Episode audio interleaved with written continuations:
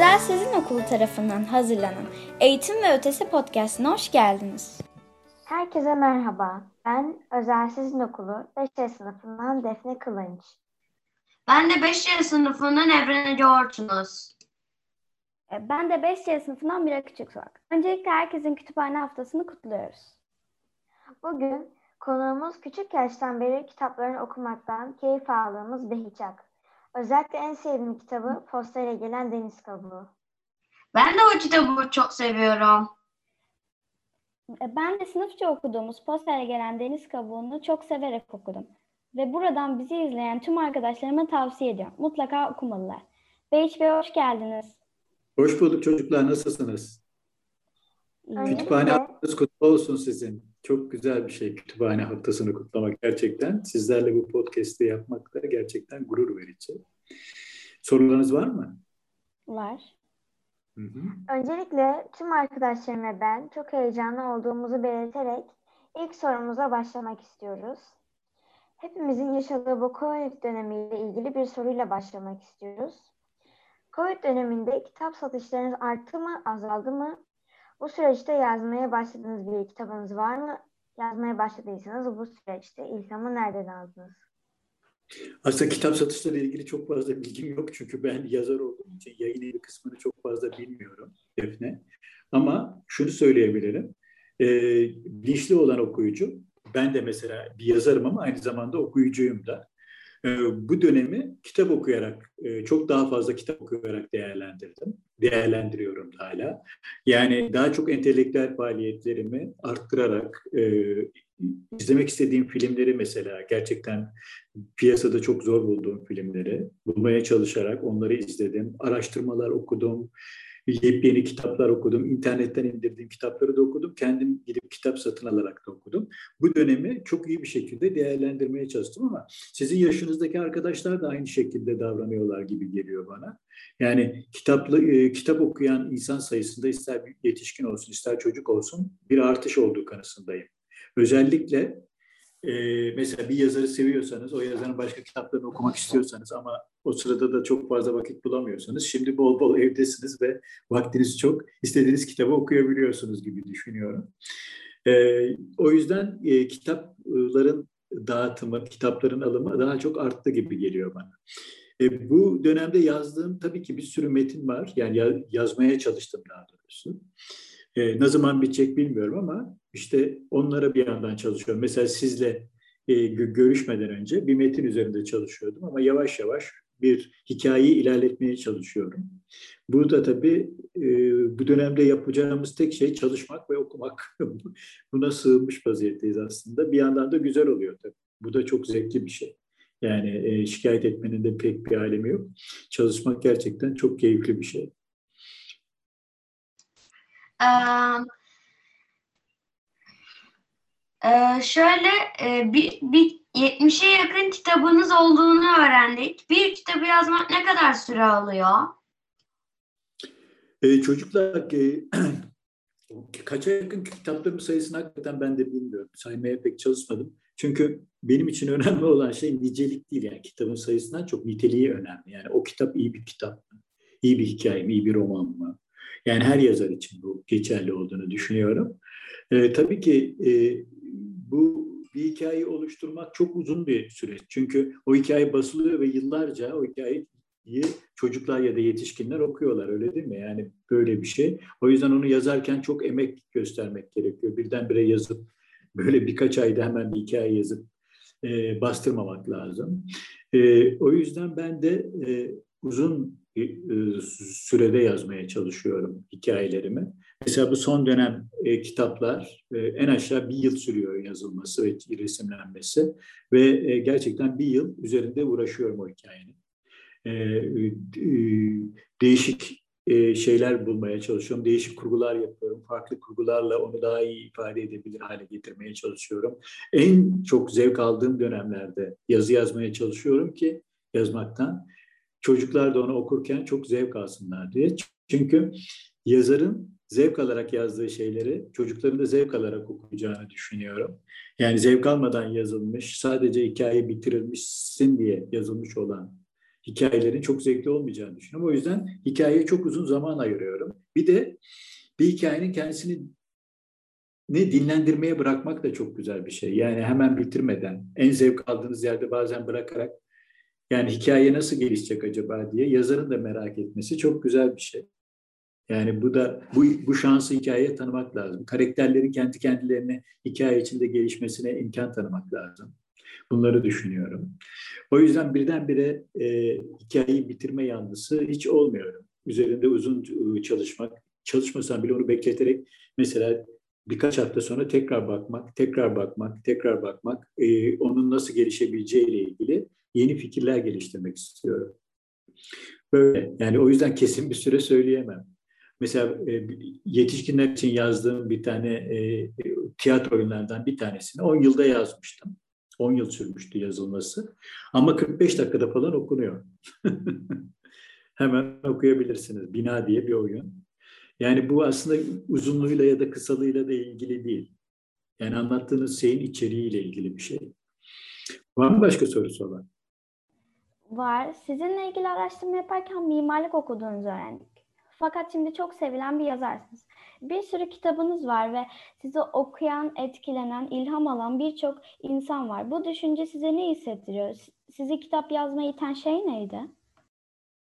Aslında mimarlık e, mesleğin çok severek okuduğum bir meslek. Gerçekten mimarlığı hala çok seviyorum. E, mezun olduktan sonra şunu fark ettim. Ben mimarlığın daha çok kültürel ve sosyal yanını seviyorum. Bina yapmaktan çok. E, çünkü her yer zaten bina doldu ve biraz daha az bina yapılsa daha iyi olur diye düşünmeye başladım. Her yer beton içinde. Daha çok kültürel yanlarını seviyorum. Doğayla mekan arasındaki ilişkiyi seviyorum mimarlıkla ilgiliyim. Mimarlığın kültürel boyutuyla ilgiliyim ama mimarlık yapmıyorum. Yani bina yapmakla sınırlı olan mimarlığı yapmayı reddettim belli bir süre sonra. Ondan sonra e, mesela gezdiğim zaman, başka ülkelere gittiğim zaman hep mimarlıkla ilgili geziler yapıyorum. Hep e, ünlü mimarların yapılarını görmeye çalışıyorum. Tarihsel yapıları geziyorum. Çok önemli stillere damgasına vurmuş binaları görmek istiyorum. Yani bayağı böyle şey vaktimi mimarlığa çok fazla ayırıyorum aslında. Ve bazı mimarlar hakkındaki okuyorum. Onlarla ilgili bir takım şeyler yazmaya çalışıyorum falan. Ama bina yapmakla ilgili değil e, benim yaklaşımım. E, şey ise e, yazarlık ise farklı bir şey. Mimarlıkta birazcık mimarlık tabii ki ister istemez bir sipariş işi. Yani size bir iş veriyorlar ve siz onu yapıyorsunuz. Yazarlıkta öyle bir şey yok. Yazarlıkta siz kendiniz kendi kendinize bir iş veriyorsunuz. Kendi istediğiniz şeyi yazıyorsunuz. O yüzden çok çok daha özgürsünüz. Yani yazarlık o yüzden bir meslek değil, mimarlık gibi. Bir sanat alanı, bir uğraş diyorum ben ona. Ben mesleğimi, meslekten çok sanatı daha çok tercih ediyorum yapmayı. Daha özgür hissetmek istiyorum kendime. Tabii ki etkiliyor beni. Mesela sizlerin benim bir hikayemi okuyup ondan etkilenmiş olmanız beni çok etkiliyor ve çok gururlandırıyor. Gerçekten çok güzel bir şey.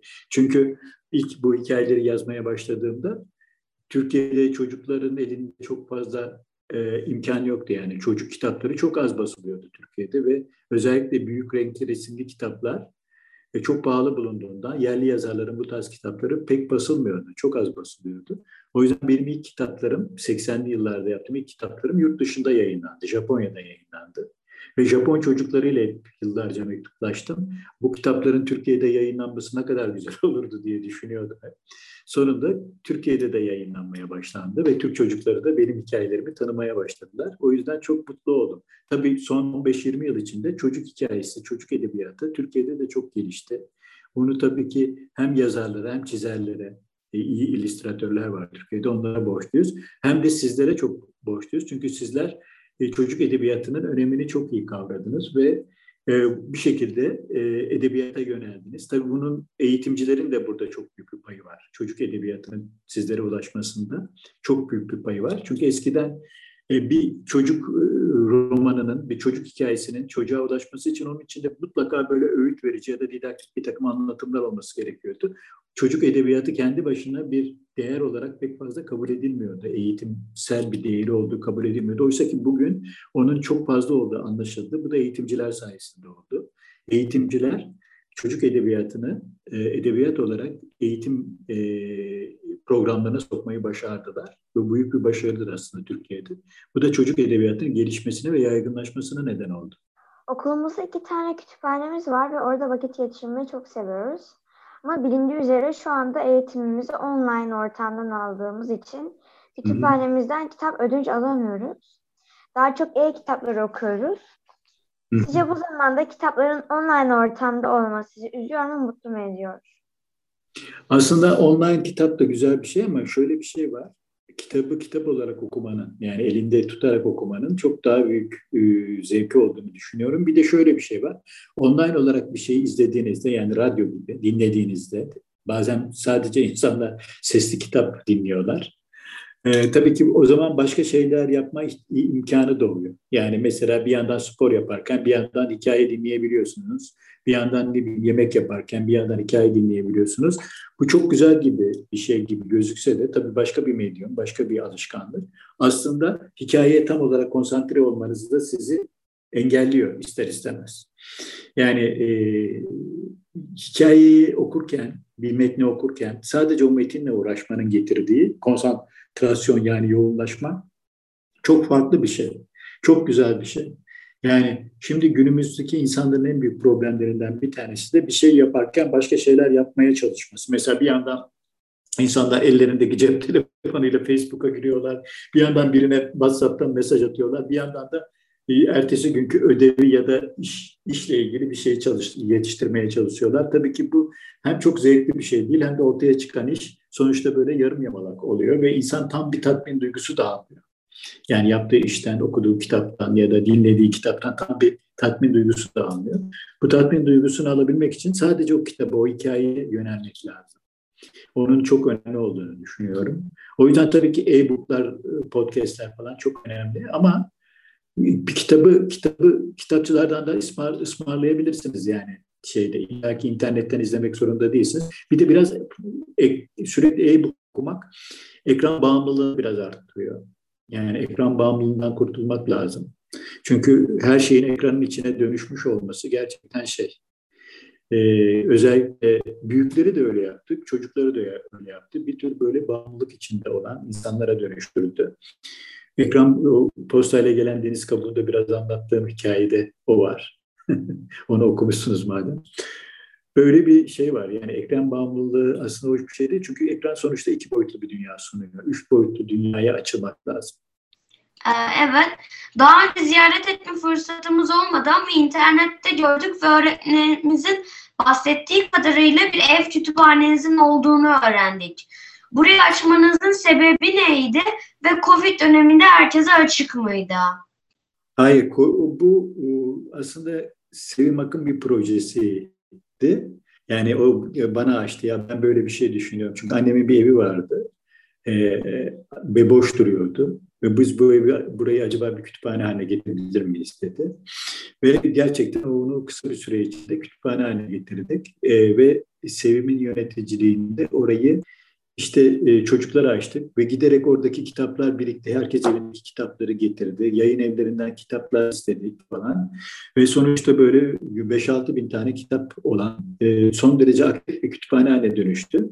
Ve daha çok içindeki etkinliklerle kendini zenginleştirdi. E, çocuklar kitap alıp e, geri getirebiliyorlar. Fakat Covid döneminde böyle bir şey yapmıyoruz. Yani oradaki etkinlikleri de biz de maalesef online haline dönüştürdük. Aslında haftada bir ya da iki gün aktifti orası. Diğer günler çocuklar kitap alıyorlardı sadece. Yani orada oturma olanakları e, pek olmuyordu. Kitap alıp getiriyorlardı. Aileler ise bir takım çocuklarla, kitaplarla ilgili etkinlikler oluyordu. Mesela okuma kulübü var. O kulüpte e, bir takım kitaplar oku, önceden okunuyor orada tartışılıyor vesaire. Yani çocukların edebiyat zevkini, fikrini geliştiren bir takım çalışmalar yapılıyordu. Şimdi onlar online olarak yapılıyor.